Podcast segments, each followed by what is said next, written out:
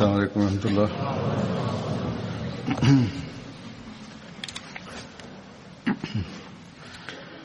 أشهد أن لا إله إلا الله وحده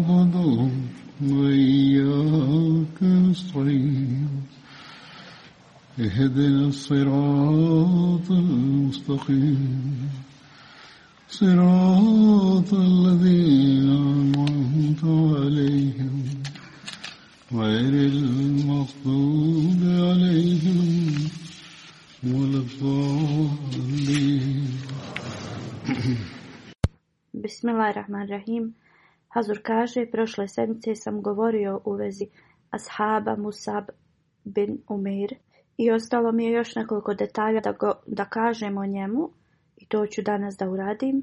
Azreti muslima Vahu Anhu dok je govorio u vezi Musaba bin Umeira kao misionar koji je bio poslan u Medinu i njegove usluge koje je dao za islam, on kaže Časni poslanik sallallahu alaihi veselem je počeo da dobiva objave od uzvišenog Allaha u kojima su bili znakovi da on treba da se preseli iz Mekke u Medinu. Neki znakovi tog preseljenja u vezi mjesta su bili. To mjesto je bilo mjesto gdje su se hurme uzgajale i imalo je dosta bunara u njima. I poslanik sallallahu alejhi ve je smatrao da je to mama, ali brzo poslije toga promijenio je mišljenje.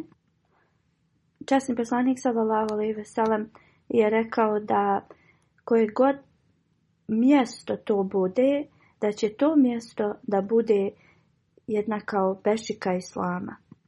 U tog tog vremena e, bilo je vrijeme hađa i iz širom Arabije ljudi su dolazili E, na hađ.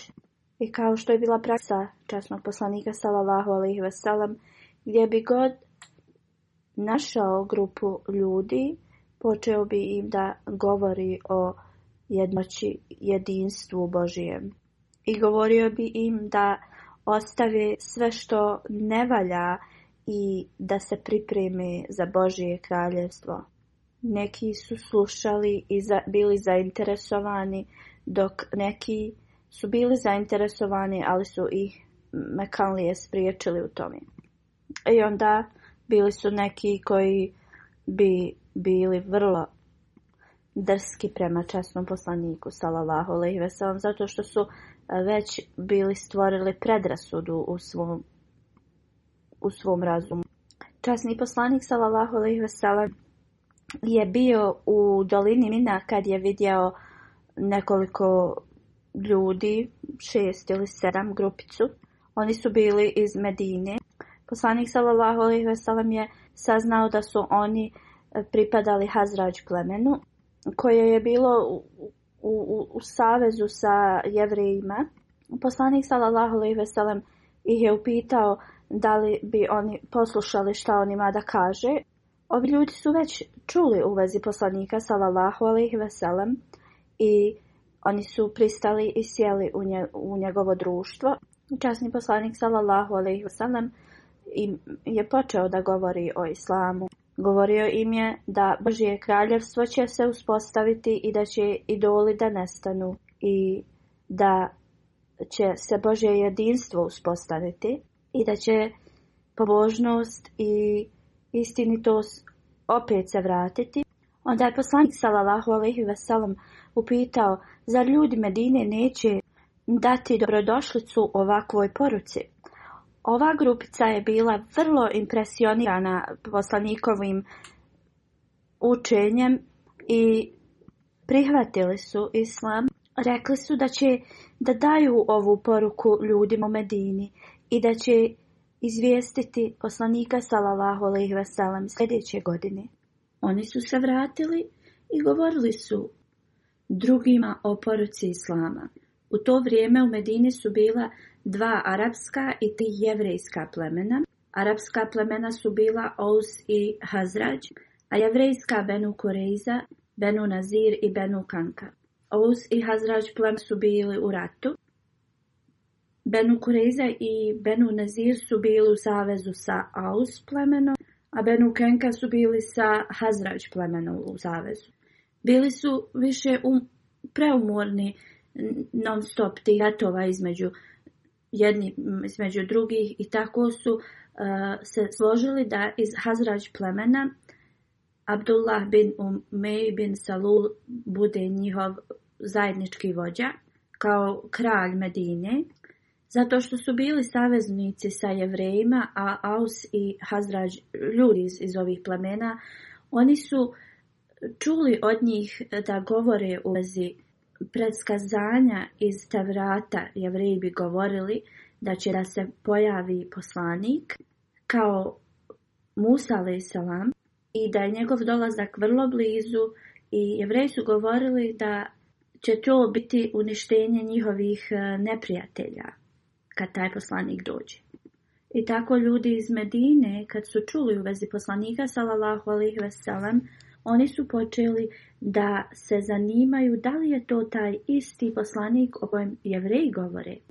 I mnogi mladi ljudi su bili impresionirani učenjem časnog poslanika sallallahu I predskazanja koja su čuli od jevreja ranije su im pomogli da povjeruju u poslanika sallallahu Onda sljedeće godine u vrijeme hađa 12 ljudi iz Medine su došli i sa nijetom da se pridruže poslaniku sallallahu alejhi ve Desetorica je bilo iz Hazrađ plemena, a dvojica iz Aus. Sastali su se s poslanikom sallallahu alejhi ve u dolini Mina i držeći ruku poslanika sallallahu alejhi dali su zakletvu u vjeru u jednog Boga. I dali su zakletvu da se klone svega što je zlo i da podignu visoki moral. Obećali su da neće krasti, da neće ubijati svoje kćeri i da neće da optužuju lažno jedni druge. Također su obećali da će da slijede časnog poslanika sallallahu alaihi veselem u svemu što je dobro. I onda kad su se vratili u Medinu, ovi ljudi su počeli da pozivaju druge u ovoj poruci sa velikom, velikim uzbuđenjem. Idoli iz kuća Medine su bacani na ulicu. Oni koji su se klanjali idolima, oni su držali svoje glave uspravno i rekli su samo da će da se klanjaju jednom Bogu. Jevreji su bili iznenađeni jer stoljećima nisu uspjeli da promijene ove ljude, a islam ih je promijenio u nekoliko dana. A poruka o jednom Bogu je obuzela srce ljudi u Medini. Ljudi Medine su bili radoznali u vezi poruke Islama, pa su išli kod ovih ljudi koji su prihvatili Islam i pitali su u vezi poruke Islama i učenja. Ovi novi muslimani nisu imali dovoljno znanja da odgovore na sva pitanja. Onda su odlučili da pošalju poruku poslaniku sallallahu alejhi ve i zatraže učitelja da im pomogne da odgovara na ova pitanja i podučava islam. Poslanik sallallahu alejhi ve sellem je odlučio da pošalje Musaba radijallahu anhu, jednog od muslimana, koji se tek bio vratio iz Abesinije. Tako da je Musab radijallahu anhu bio prvi misionar koji je otišao iz Mekke. Na drugom skupu Hazreti Muslima od radijallahu anhu je rekao, kada su ljudi iz Medine saznali uzi poruke Islama došli su u Meku u toku hađa, oni su tad bili ubijeđeni u istinitost ove poruke i vratili su se svojim ljudima da poslanik o kojem su jevreji govorili, on je došao u Meki. Onda su njihova srca postala naklonjena prema poslaniku sallallahu alejhi ve i sljedećeg hađa su poslali delegaciju časnom poslaniku salavahu alihi wasalam. Ova delegacija je prihvatila poruku poslanika salavahu alihi wasalam poslije diskusije sa poslanikom, pošto u to vrijeme Mekanlije su progonili i, oni su bili velika opozicija poslaniku salavahu alihi wasalam, ovaj sastanak se desio u tajnosti i zato što su tu dali zakletvu, ovo, ovo, ovaj događaj se naziva kao Bejat i Akva. Akva znači dolina ili planina koja, koju je teško preći ili put, putanja planinska kroz koju je teško prolaziti. Poslanik sallallahu alejhi ve im je dao dužnost da organizuju ljude u Medini i da počnu da govore o islamu tim ljudima. Časni poslanik sallallahu alejhi ve je poslao jednog mladog ashaba Musaba bin Umeira da im pomogne u ovome i da ih podučava islamu. Ova delegacija također je rekla časnom poslaniku sallallahu alejhi ve ako ikada bude mu potrebno da se odseli iz Medine, trebao bi da dođe kod njih. Kad su se ovi ljudi vratili u Medinu, Islam se proširio u vrlo kratkom vremenu širom Medine. Onda je poslanik sallallahu alejhi ve poslao još ashaba u Medinu na ispomoć, uključujući Hazreti Omera Allahu anhu. Poslije toga kad je Allah objavio poslaniku sallallahu alejhi ve da treba da se preseli u Medinu i poslanik sallallahu alejhi ve im se pridružio. I kad je stigao u Medinu, u vrlo kratkom vremenu svi idolopoklonici su prihvatili islam. Kad je stigao u Medinu, poslanik sallallahu alejhi ve je uspostavio bratstvo između Musab bin Umeira i Hazreti Ebu Ejuba Ansarije radijalahu anhu. Hazreti Musab bin Umeir radijalahu anhu je učestvovao u bitci na Bedru i Uhudu i u toku oba dvije ove bitke Hazreti Musabin bin Umeir je nosio glavnu zastavu muhađira. U toku bitke na Bedru glavna zastava muhađira koju je nosio Musabin bin Umeir, nju mu je dao poslanik sallallahu alaihi sallam. U sirat Hatamu Nebijin, Hazreti Mirza Bashir Ahmed sahib također govori o ovom događaju. On govori u toku bitke na Uhudu. Zastav muhađira je nosio Hazreti Musa bin časni poslanik sallallahu alejhi ve sellem je počeo da prikuplja muslimansku armiju i također je postavio razne komandante. U to vrijeme poslanik sallallahu alejhi ve sellem je dobio izvještaj da zastavu Kurejšija nosi Talha. Kad je saznao u vezi ovoga, poslanik sallallahu alejhi ve je rekao da mi smo vredniji da nosimo reprezentaciju naše nacije i onda časni poslanik sallallahu alejhi ve je uzeo zastavu od Hazreti Alija radijallahu anhu i dao je tu zastavu Hazreti Musabu bin Umeiru koji je bio iz iste porodice kojoj je Hazreti Talha pripadao. Hazreti Musab bin Umeir je poginuo u toku Uhuda i na dan Uhuda Musa bin Umeir se borio ispred poslanika sallallahu alaihi wasallam i postao je šehid u toku bitke. Ubio ga je Ibni Kamil. Knjige i historije pišu da je u toku Uhuda Hazreti Musa bin Umeir hrabro se borio da sačuva čast Islama. Hazreti Musa radijalahu anhu je nosio zastavu na Uhudu kad je Ibn Kijab došao sa, na konju i onda je presjekao desnu ruku Hazreti Musaba s mačem u kojoj je on nosio tu zastavu. Tad je Hazreti Musab proučio sljedeći ajet Vama Muhammedun illa Rasul kad halat min qablih hir Rasul a Muhammed je samo poslanik, zaista prije njega su prošli poslanici. Onda je uzeo zastavu u lijevu ruku i onda je Ibn Kamija presjekao mu i lijevu ruku. Tad je Musa bin Umir uzeo zastavu oba dvijema svojim rukama i privio je na svoja prsa. Onda je Ibn Kamija po treći put napao ga i probao je njegova prsa Hazreti Musab je pao na zemlju. Onda su dvojica osoba iz plemena Benu Abdedar, Suebit bin Sad Harmela i Abu bin Umer. Abu bin Umer je uzeo zastavu i držao je sve dok muslimani se nisu vratili u Medinu.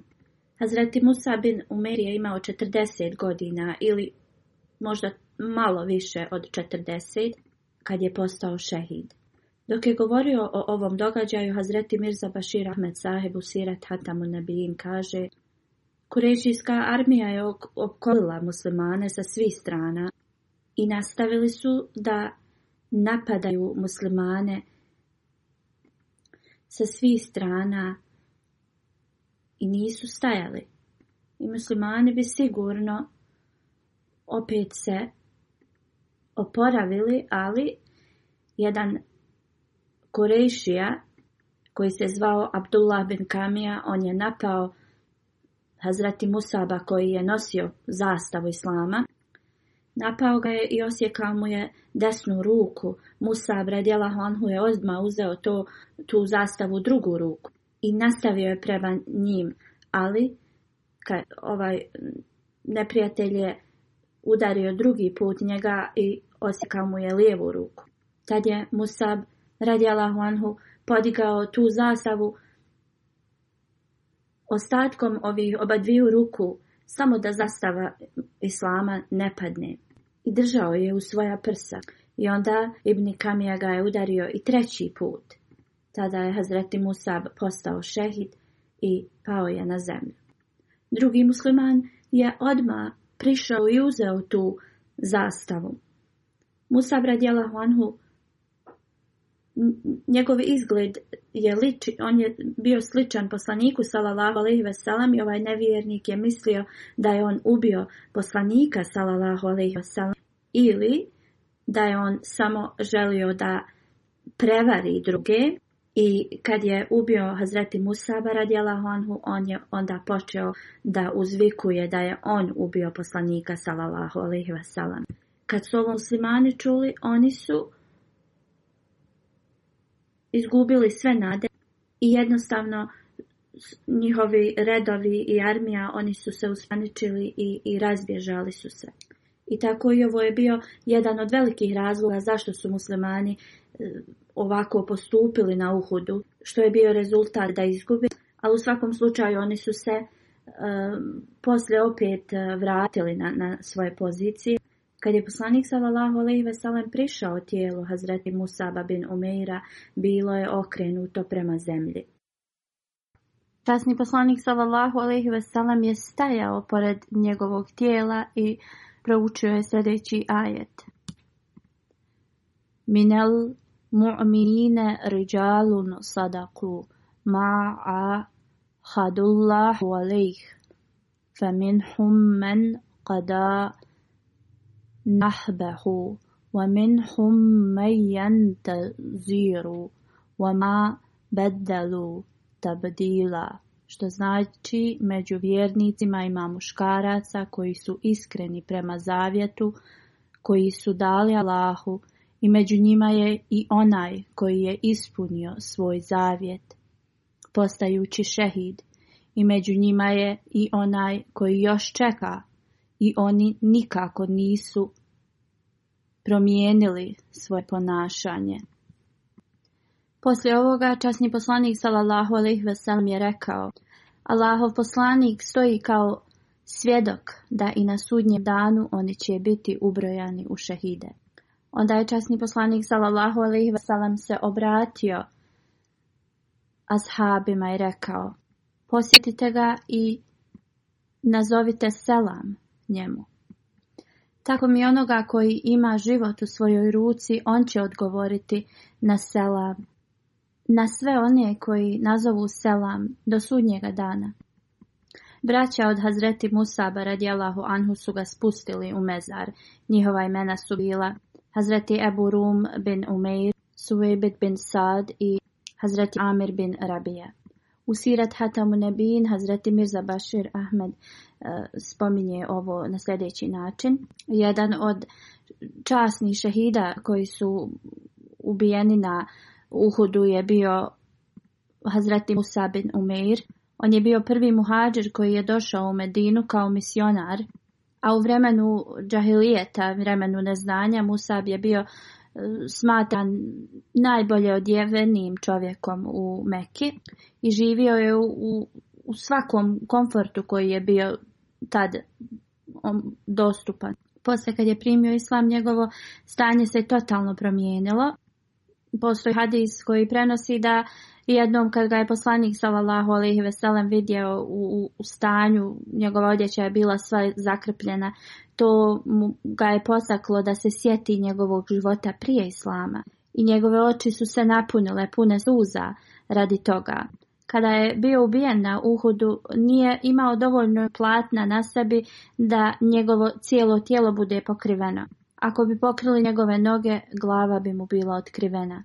A isto tako ako glavu bi pokrili, onda njegove noge su bile otkrivene.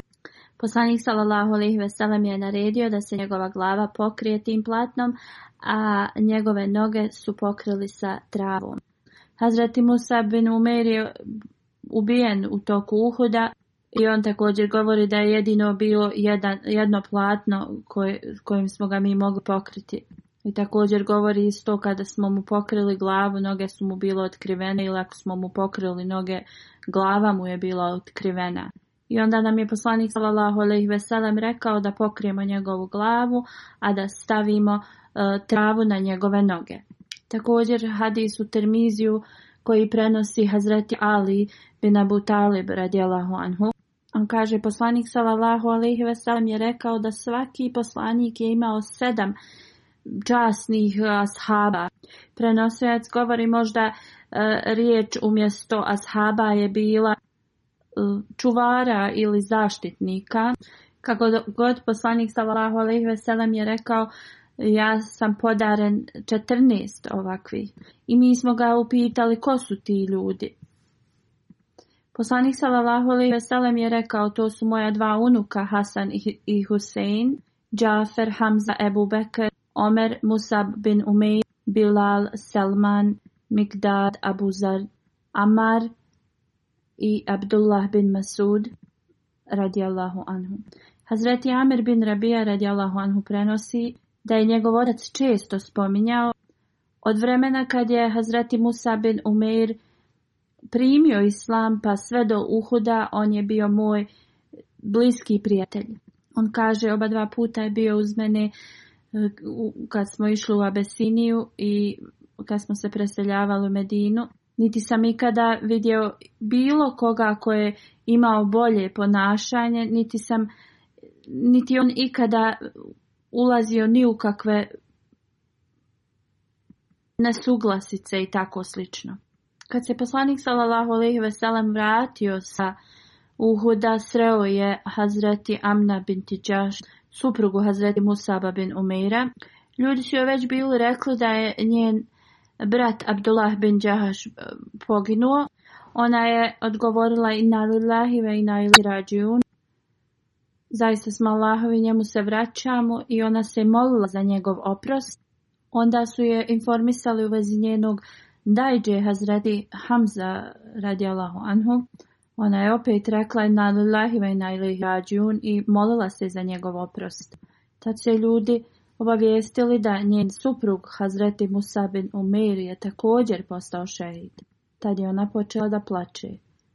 Poslanik sallallahu alejhi ve je rekao da muževi posjeduju poseban status u očima njihovih supruga. Postoji još jedan hadis u kojem Hazreti Amna Džaš je spomenuta, koji govori kad, je, kad joj je bilo rečeno da joj je brat postao šehid, ona je rekla neka se Allah smiluje na njim i rekla i na lahve i na rađiun. A kad su joj rekli da joj je također suprug bio ubijen, ona je rekla nešto um, kao teško meni ili tako nešto. Poslanik sallallahu alejhi ve sellem je rekao da um, muž i žena imaju posebnu uh, vezu. Hazreti Halifatul Mesih četvrti, Rahmullah, je također spomenuo u vezi smrti Hazreti Musaba bin Umeira i emocije koje je njegova uh, žena tad pokazala u svojim riječima je to rekao. Hazur kaže da muškarci i žene ako su im u borbama ako bi im poginulo više članova porodice, njima je govoreno postepeno e, ko je i ko poginuo, tako da, da ne bi odjedanput doživjeli ogroman taj šok. Kad je Hazreti Hamna binti Đaž anha do, dobila vijesti u vezi Abdullaha bin Đaš. Ona je došla kod poslanika sallallahu alejhi i poslanik je rekao: "O Hamna, budi strpljiva i nadaj se nagradi od uzvišenog Allaha." Ona je rekla: "O Allahu poslanice, kakvu nagradu da ja, kakvoj nagradi da se ja nadam?"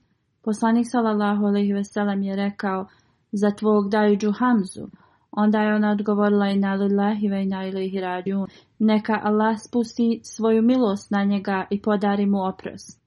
Kroz ovo što je postao šehid. Onda je poslanik sallallahu alaihi veselem rekao, o Hamna, budi strpljiva i nadaj se nagradi od uzvišenog Allaha. Ona je opet rekla, kojoj nagradi da se nadam?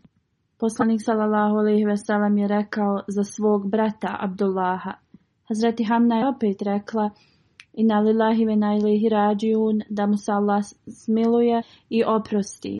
Onda je poslanik sallallahu alejhi ve sellem opet ponovio: "O Hamna, budi strpljiva i traži nagradu od uzvišenog Allaha." Ona je opet isto odgovorila. Poslanik sallallahu alejhi ve sellem je rekao za Musaba bin Umeira radijallahu anhu.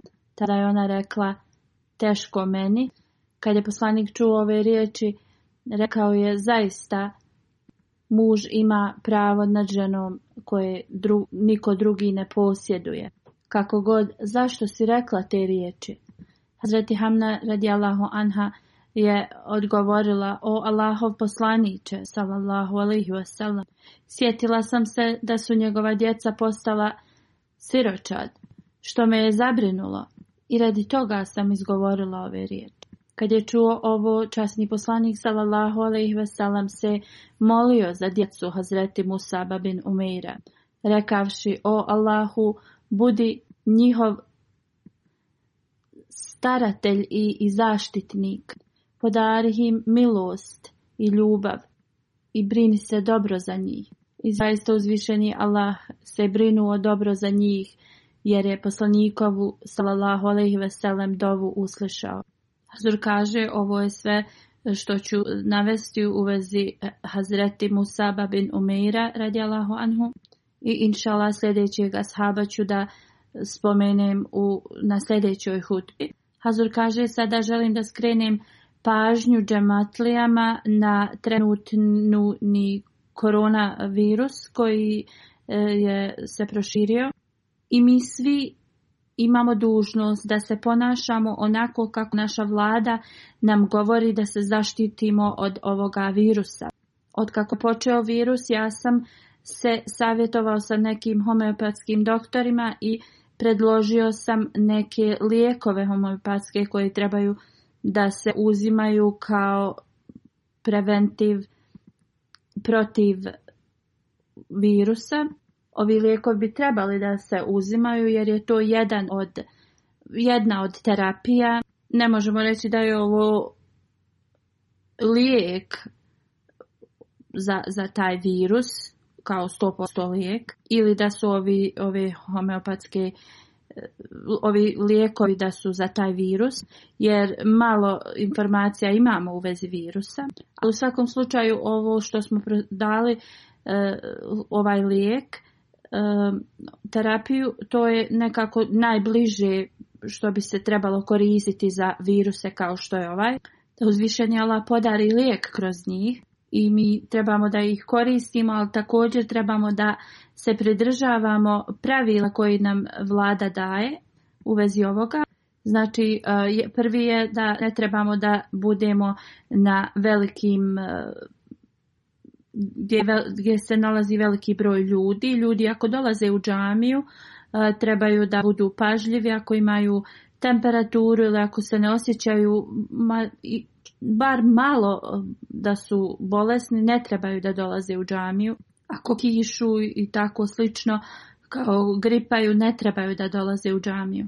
Postoje e, neka pravila džamija, to jest ako neko je bolestan i ako se ta, to ta bolest može da se prenosi, onda ti ljudi ne trebaju da dolaze u džamiju. E, Hazur kaže, na primjer, kad neko kiše, e, uvijek treba da pokrije e, maramicom nos ili stavi ruku ili nečim da pokrije. Neki ljudi koji uklanjaju klanjaju džamatu se žale da nekad ljudi kišu, niti stave ruku, ni, ni maramicu, ni ništa, samo onako otvoreno kihnu. Nekad ljudi osjete da, da i na njih padne koliko ti ljudi otvoreno kišu. Hazur kaže ljudi koji stoje kraj vas i obožavaju uzvišenog Allaha također imaju pravo na, na to da, da, se, da na miru klanjaju i svi moramo da budemo razumni u vezi ovoga i, i, i da, da se ponašamo prema propisima. I kao što sam spomenuo ranije, posebno sad kada, kad, u, ovom vremenu kad su mnogi ljudi bolesni trebamo da pazimo na to. Što također doktori preporučuju da e, osobe moraju da drže ruke i usta čista. Iako ruke nisu čiste, onda ne dirajte svoje lice. Ili trebaju da koriste e, dezinfekciju za ruke, ove gelove, ili da non stop peru ruke. Kako god za muslimane, one koji klanjaju pet puta dnevno i koji se abdaste na e, propis sa način, e, ne trebaju da se brine da nema ovih gelova za dezinfekciju e, koji, koji su sad trenutno nedostupni jer e, trenutno postoje reporti da ljudi u ovoj panici kupuju ove one gelove za ruke i, i da uopšte nisu dostupni u, u prodavnicama. Ali Hazur kaže u našem slučaju oni koji e, se abdeste propisno, ne samo da fizički se čiste, e, već oni kad se abdeste i e, na propisan način i klanjaju namaz, također duhovno imaju dobitak. Hazur kaže u ovim danima trebamo da skrenemo veliku pažnju na svoje molitve Hazur kaže već kad e, spominjem propise džamije, oni koji dolaze u džamiju, da li to bila zima ili ljeto, i koji e, oblače čarape, trebaju da dobro paze da, sva, da uvijek mijenjaju te čarape, da su čiste te čarape i da te čarape budu oprade. Zbog toga ako u nekoga e, stopala neugodno mirišu, onda to, to je jednostavno za druge ljude oko te osobe koji su došli da klanjaju, jednostavno to je omeranje za njih. Ili oni koji su iza, iza te osobe kada spuse se na srđu, jednostavno neće se osjećati ugodno. I moramo da obratimo pažnju na ovo.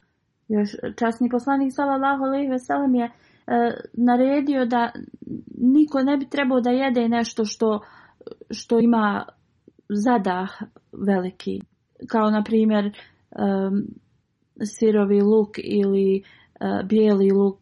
Jer osoba ako se podriguje ili ako ima zadah iz, iz usta, jednostavno osobe koje stoje do te osobe njima je neugodno. Časni poslanik sallallahu alejhi ve sellem nam je e, savjetovao da stavljamo miris kad dolazimo u džamiju. Poslanik sallallahu alejhi ve sellem je rekao da osoba ne treba da prođe preko džamije e, da nosi e, neispečeno meso, a ne da, da, se, da ima bilo kakav neugodan miris. Zato Svaki, svaka osoba koja dolazi u džamiju treba da se dobro brine za svoju ličnu higijenu i također za čistoću džamije. Kako god ovo ne bi trebao da bude izgovor da ne dolaze osobe u džamiju. Svak treba jednostavno da, da sebe analizira i onda da, da napravi e, dobru odliku ali dobro znajte da jedino Allah zna šta se krije u ljudskim srcima. I onda ako neko se osjeća bolesnim, treba da ode doktoru. U svakom slučaju osoba treba da ne dolazi u džamiju dan ili dva ako se ne osjeća dobro. Dalje, naređeno je također da sad e, vlade govore da ljudi ne trebaju da se rukuju jer e, ne znamo šta je na, na čijoj ruci šta se nalazi. Iako rukovanje povećava e, ljubav iz, jednih između drugih i poštovanje, ali zbog trenutne situacije bolje je da to ne radimo. Iako neki ljudi uvijek e, prije ovoga su se nekako kao Eh, na negativan način eh, govorili kako muslimani se nerekuju jedni između eh, kao muškarci sa ženama. Ali vidjeli smo da ministar u Njemačkoj nije se rukovao sa njihovom predsjednicom. Zato ljudi gledaju kao s humorom ali naš, e, naša vlada ovdje e, oni su u stvari pohvalili ovo zašto ljudi se ne rukuju. On kaže da rukovanje uopšte e, nije bilo dio njihove tradicije. Njihova tradicija je bila da se pozdrave ili da skinu kapu kad, kad jedni druge sreću.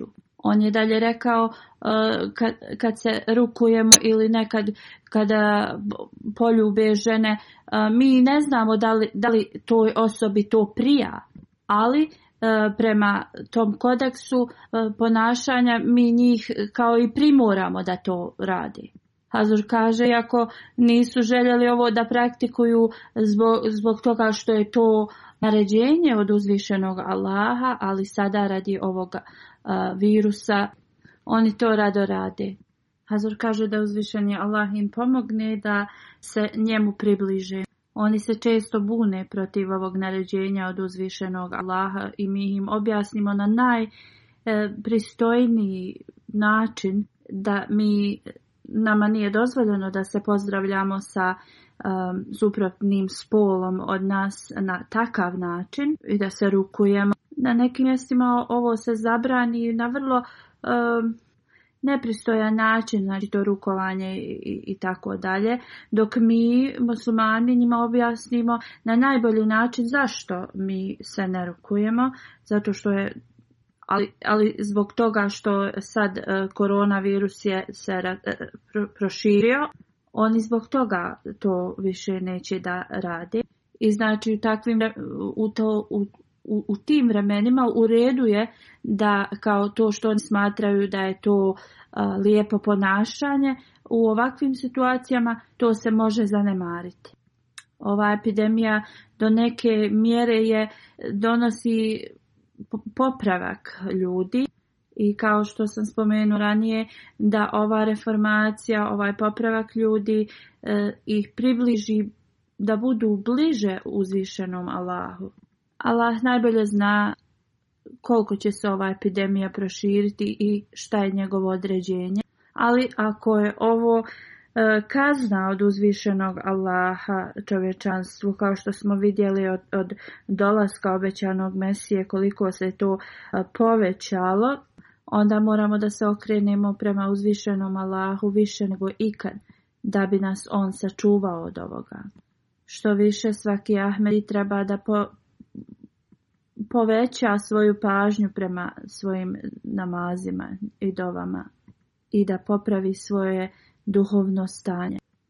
Također da se moli za čovječanstvo i svijet, da uzvišeni Allah im podari uputu i osim toga da su samo za ovo svjetske stvari, da se samo tome predaju, da trebaju da razmišljaju o uzvišenom Allahu i da im on omogući da ga spoznaju. Hazur kaže, posle ovoga ja ću da klanjam dženaze u odsestvu. Prva je od cijenjenog Tanzil Ahmed Bat, on je sin od eh, Akil Ahmed Bat. On je bio eh, mlado dijete, 11 je godina bilo i preminuo je 27. februara. Hazur kaže, moje mišljenje da je on šehid, on je bio ubijen. Mm, Hazur kaže, ovo se desilo u Lahor, kad je komšinica od Tanzila Ahmed sajba ona, ga je ubila. I nalila ve i rađion. Zaista smo i njemu zavraćamo vraćamo. Hazur kaže u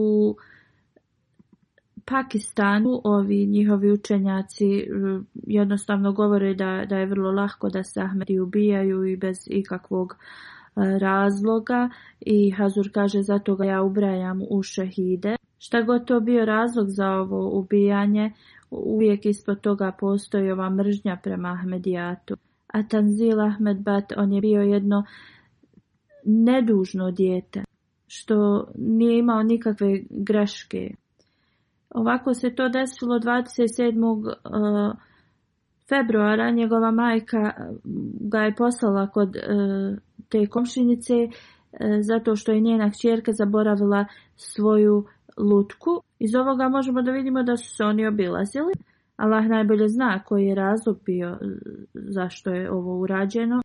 Kad se on nije vratio poslije nekog dužeg vremena, e, njegova majka je otišla kod e, komšinice i upitala je gdje je on. Prvo ona neko vrijeme nije otvarala vrata, poslije e, kada je otvorila vrata, ona je rekla da je on uzeo lutku i da je otišao kući. Kad je ona informisala svog supruga, majka od ovog dječaka. On je odmah počeo da ga traži sa e, nekim drugim e, džamatlijama i otišao je i u policiju.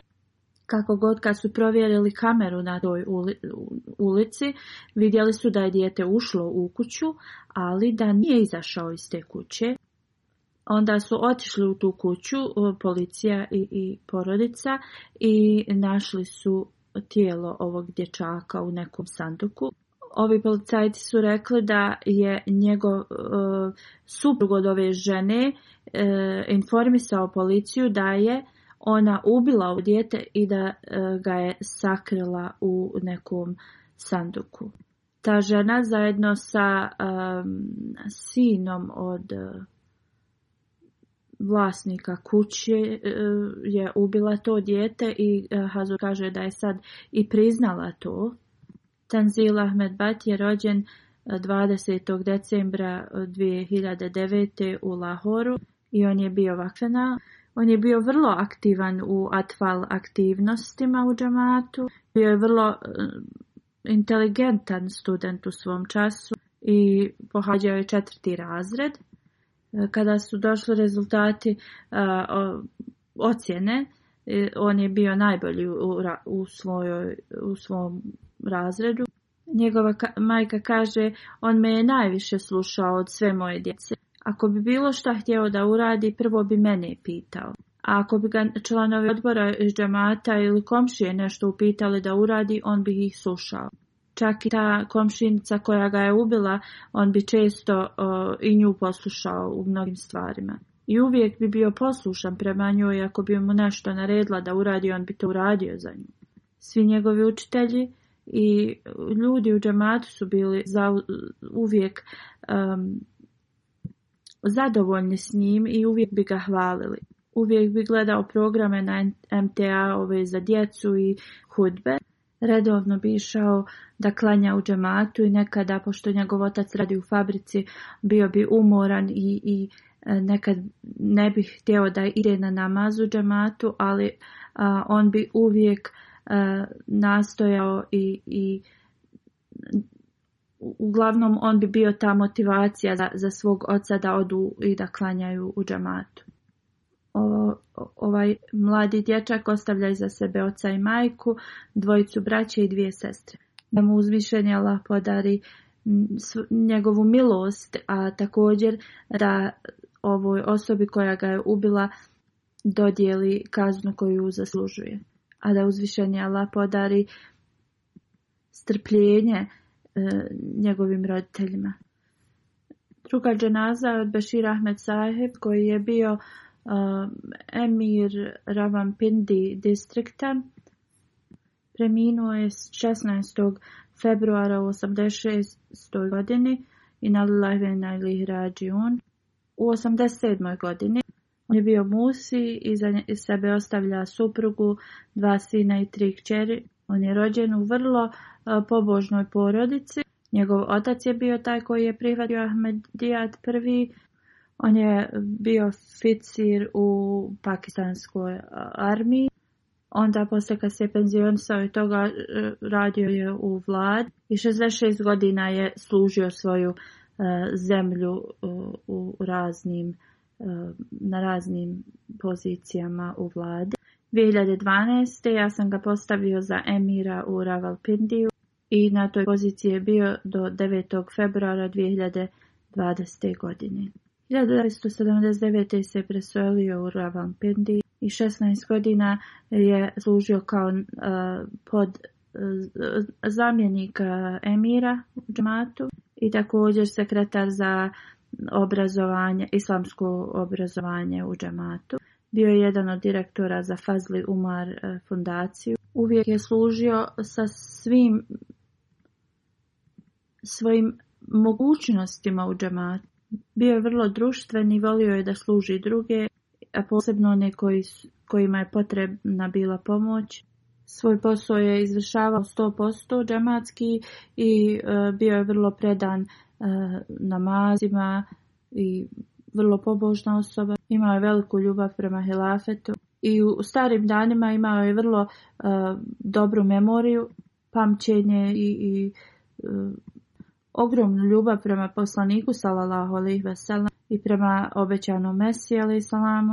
I uvijek je bio zahvalan uzvišenom Allahu zato što mu je odobrio da bude Ahmedi pored svog kreveta je uvijek držao časni Kur'an, knjige hadisa i knjige obećanog Mesija alaih Salama i izučavao ih je uvijek.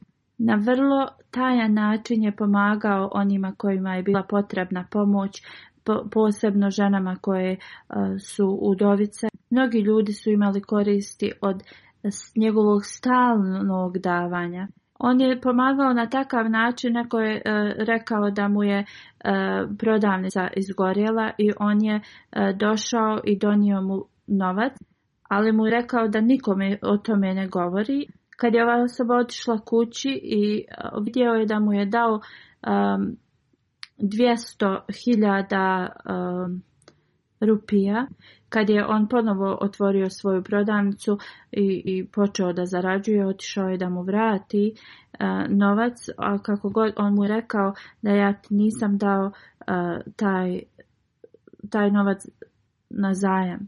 Misionar piše da e, on je uvijek klanjao dugo svoje nafile i sunet namaze i da bi dolazio ranije prije džume e, da, da radi zikr i također kad bi vidio nekoga da brzo klanja i završava on bi na lijep način govorio kako su to ashabi i derviši iz Kadijana kako su klanjali svoje namaze a kad bi vidio nekoga da lijepo klanja, on bi to također pohvalio. Znači on je uvijek pomagao mnogima, to su mnogi napisali i ako bi neko počeo da, da mu se zahvaljuje, on bi ih zaustavio.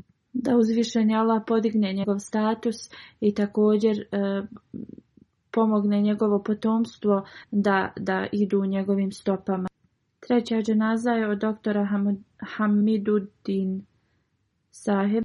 Preminuo je 29. februara i ve i rađiun.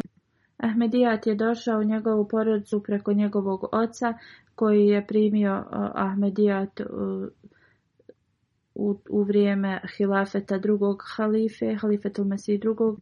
On je rođen u Kadijanu i Amidža njegove majke je bio ashab obećanog Mesija alaih salama. On je bio veliki učenjak u u vezi e, kršćanstva i e, služio je kao profesor u džami Ahmedija u Kadjan dugo vrijeme. Kad se Pakistan i Indija e, razdvojili, on je preselio u Feslaba. On je živio jednostavan život, bio je pobožna osoba, uvijek je klanjao svoje namaz i bio je vrlo predan vjeri i islamskom učenju. Imao je veliku ljubav prema hilafetu bio je osjećajna osoba, bio je vrlo iskren, imao je veliku ljubav prema uzvišenom Allahu, nikad ne bi odbio da pomogne drugima i uvijek bi tražio da im pomaže. Služio džematu raznim službama.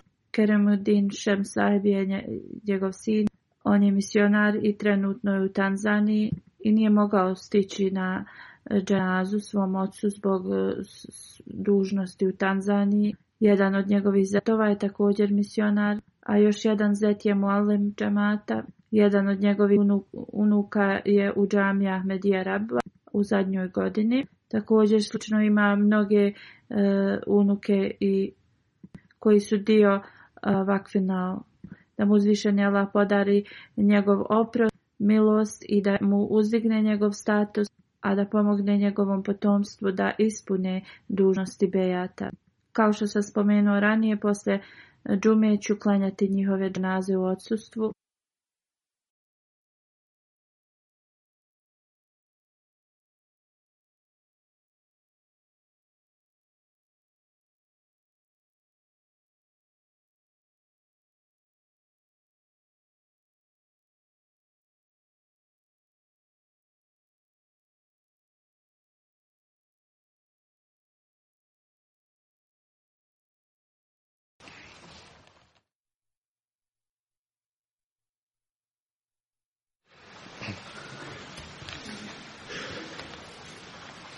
الحمد لله الحمد لله نهده ونستعينه ونستغفره ونؤمن به ونتوكل عليه ونعوذ بالله من شرور أنفسنا ومن سيئات أعمالنا من يهد الله فلا مضل له ومن يضلل فلا هادي له ونشهد أن لا إله إلا الله ونشهد أن محمدا عبده ورسوله عباد الله رحمكم الله إن الله يأمر بالعدل واللسان